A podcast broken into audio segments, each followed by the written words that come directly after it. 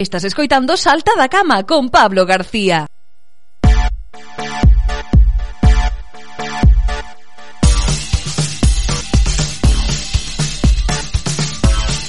Como vos comentaba, dende Murcia, que nos chegaba esa petición de María, vamos a ir a Rianxo. De Rianxo vamos a ir tamén a Girona. Bueno, a magia da radio, eh? eh, a Maxia da Radio tamén nos vai a traer funcionarios que traballan, que eso tamén é unha rara avis e hoxe ímolos a ter connosco aquí no Salta da Cama. Dende o Colexio Rural Agrupado de Rianxo falamos con Baltasar Figueiras. Moi bo día, Baltasar. Hola, moi bons días, Pablo. Tieres deses funcionarios que traballan, non? Sí, intentamos, intentamos. Eh, eh, e, e deixanse traballar? Deixan, deixan aquí no cole, no cole de Rías, a verdad que o equipo de profes que estamos nos, é, é xente moi involucrada e que a verdade é que non é esa, non ten esa fama de funcionario que non traballa, sino uh -huh. que traballan e moito ademais. E vos estades traballando, formándos, poñéndovos ao día, eh, dai que dende a, a, o colexio eh, vos presentásedes a, a un proxecto, bueno, a, a unha convocatoria do Erasmus Plus, presentastes un proxecto que se chama eh, Rustic Multigrade. Eh, que é, que eh, é o proxecto en sí? Eh, contanos, vamos a ir polo principio. Que é o Colexio Rural Agrupado de Rianxo? Eh, que tipo de escolas o forman? Vale, nós somos eh, oito escoliñas, oito as antiguas unitarias que uh -huh. nos reunimos para funcionar como un colegio. Entonces, esta unión permítenos ter, pois, por, por exemplo, profesor de inglés, mestres especialistas que tenen a menos con necesidades e, e un equipo directivo e somos, en total, oito escuelas.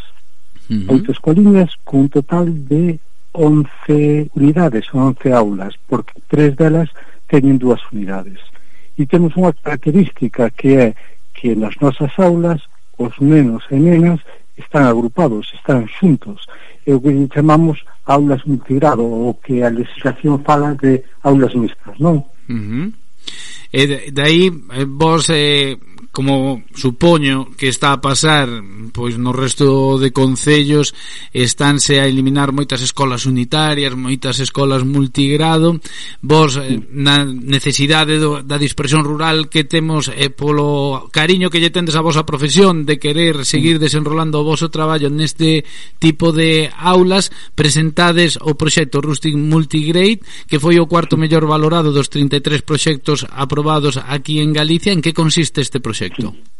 Rusty Multigrade é o acrónimo de Rural Urban Schools and Teachers Interconnected non? Ese é, ese é o acrónimo que ten pero a idea é que nós estamos nunhas escolas que teñen unha forma de enseñanza distintas que son normalizadas, a típica escola na que se agrupa o neno na mesma edad entonces isto requiere estrategias distintas e nós dixemos porque non nos formamos, aprendemos máis sobre este tipo de escolas para que a nosa para que nosa calidade educativa mellore, para que nosa eficacia dando clases sexa, sexa mellor. entonces presentamos un proxecto que nos vai permitir ir a catro países da Unión Europea, Irlanda, Bélxica, Francia e Italia, e ver como traballan estas escolas como traballan nestas escolas para ese conocimento transferido ou non ás nosas escolas. Uh -huh. Esa é a idea.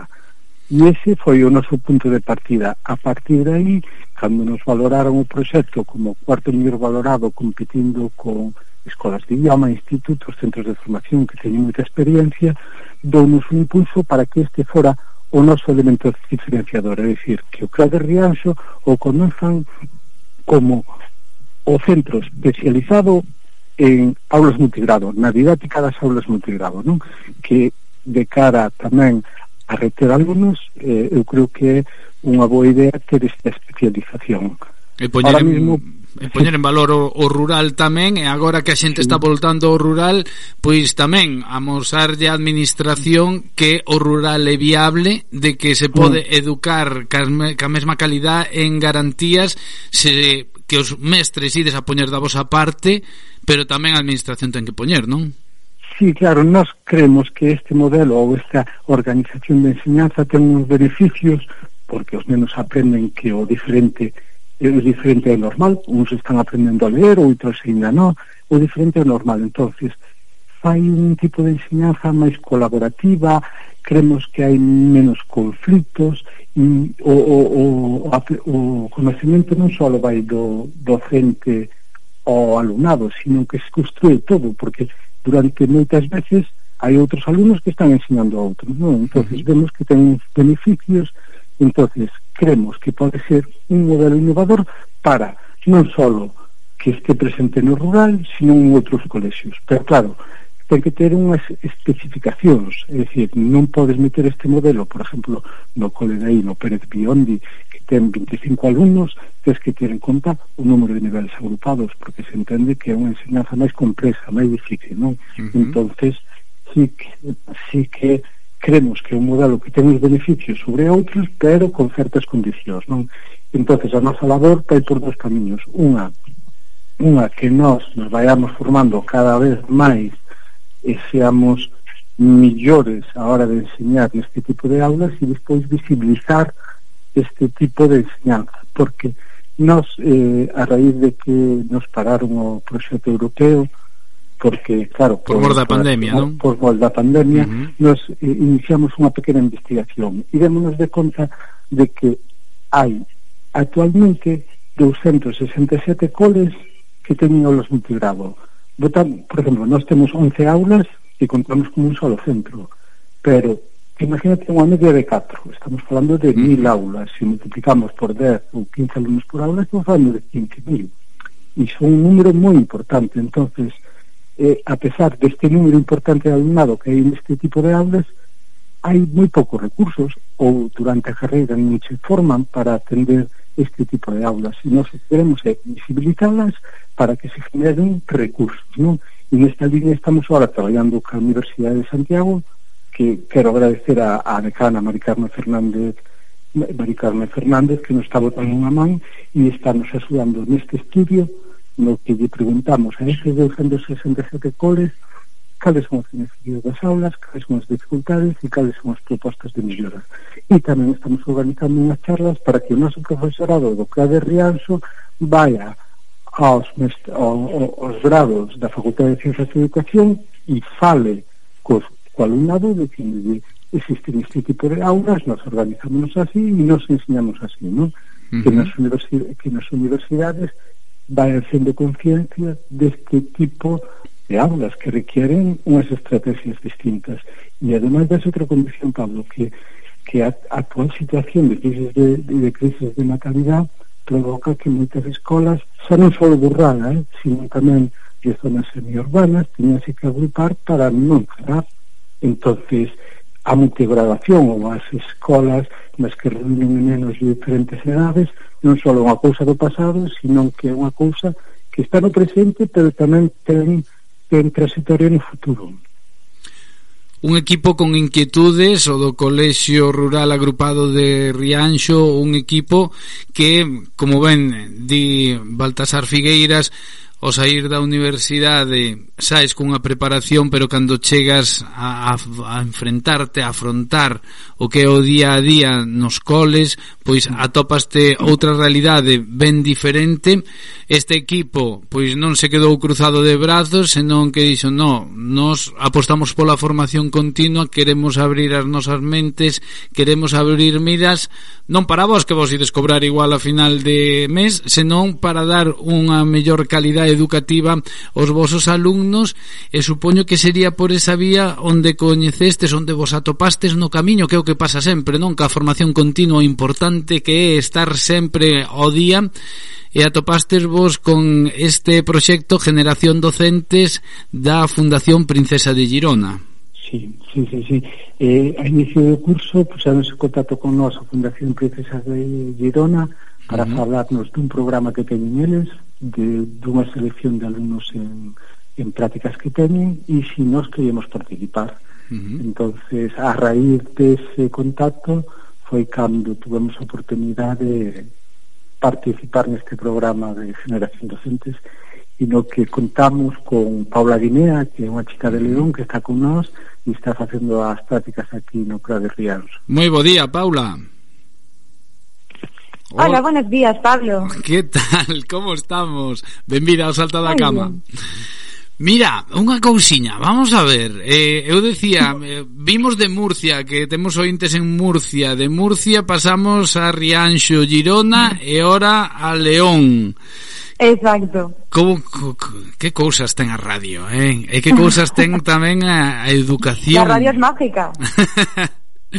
Educación tamén. Que Como te sumas ti a este proxecto da Fundación Princesa de Girona?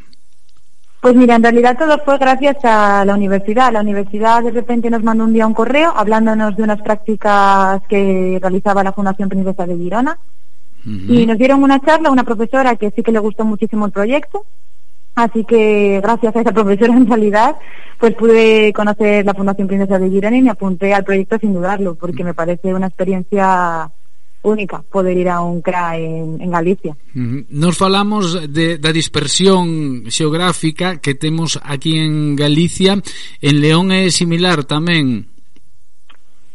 Eh, te refieres, eh, por dispersión geográfica, a la amplitud de Galicia, ¿no te refieres? Sí, aos núcleos eh, rurais que, que temos, con escolas sí. rurais...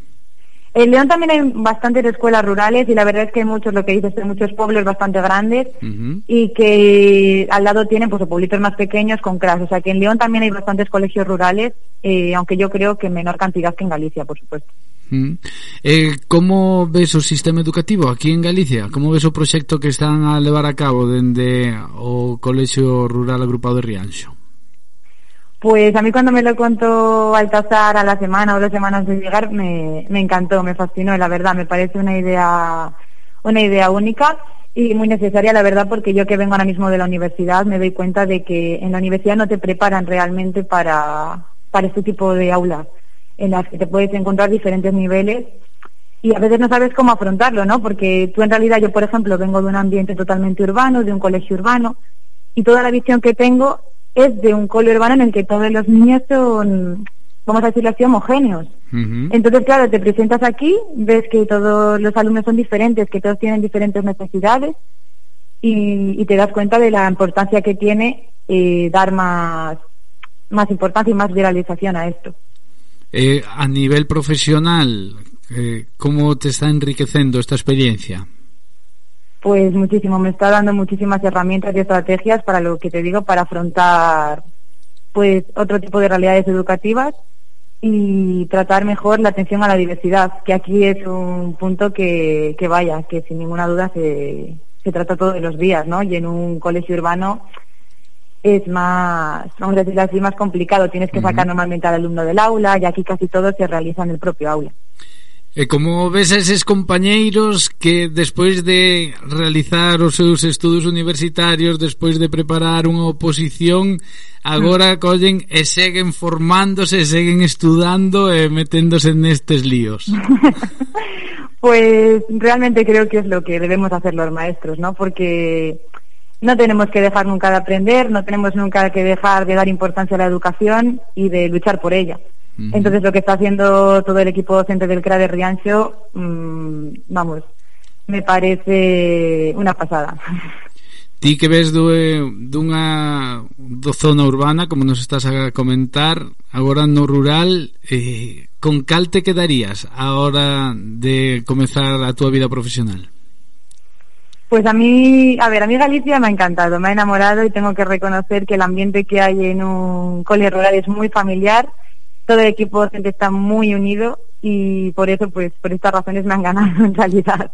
Y los niños son muy, muy cercanos, conoces a todos, es algo que me ha gustado mucho porque yo me anterior, en mis anteriores prácticas fui a un colegio urbano de León y claro, estamos hablando de 400, 500 alumnos, es imposible llegar a conocer realmente a todos, pero aquí en tres meses ya me sé el nombre de todos los niños, sé más o menos lo que le gustan y entonces la cercanía que hay en este tipo de colegios me encanta, así que yo creo que si pudiera repetiría en un colegio rural. É máis sinxelo ofrecer unha educación de calidade nun colexio deste tipo? Eh, perdona, repite. Si, si es máis sencillo ofrecer unha educación de calidad en un colegio deste tipo? Yo creo que sí, porque la enseñanza es muy individualizada. Entonces tú te los salvamos, los maestros se adaptan a las necesidades de, del alumno y a lo que es alumno, al ritmo de aprendizaje que tenga ese alumno. En realidad, en un colegio urbano, al ser la ratio tan alta, haber 25 alumnos en una clase, es mucho más complicado en el tiempo que tienen los maestros de 5 horas mm, a la mañana de, de poder atender a todos los niños. En cambio, aquí sí que se puede. E agora xa para os estudantes que moitas veces mm, pensan se adherirse a un plan como este da Fundación Princesa de Girona, hmm. que lles dirías? Que si tienen la oportunidad, que se apunten, que, que se arriesguen y que salgan un poco de lo que han visto toda su vida, que la mayoría de personas que viven en ciudades han visto lo mismo que yo, que son colegios urbanos, que se arriesguen, que además la Fundación Princesa de Girona ofrece un programa no solamente de, de práctica, sino también formativo. Y yo gracias a ellos pues he aprendido un montón, he tenido ponentes maravillosos y, bueno, y que además para rematar, a rematar te dan también una compensación económica, ¿no? En la que te puedes permitir estar en el lugar, buscarte un piso, la de los desplazamientos que tienes con el cole y a mí me parece una oportunidad que es única. Jolín, pois falando así con tanto cariño, eu sei perfectamente que os rapaces cando marches Paula van a pasar moi mal, eh? Yo lo voy a pasar muy mal en realidad, ¿eh? porque me han robado todo el corazón, los niños y los profesores.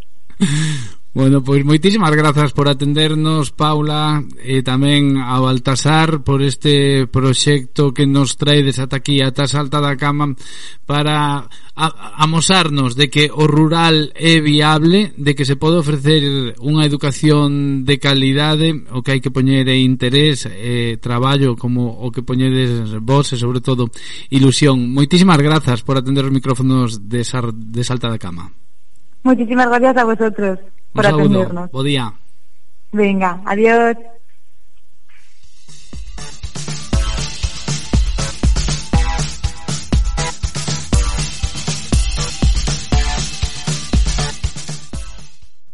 Unha radio viva e o servizo da audiencia, Radio Estrada.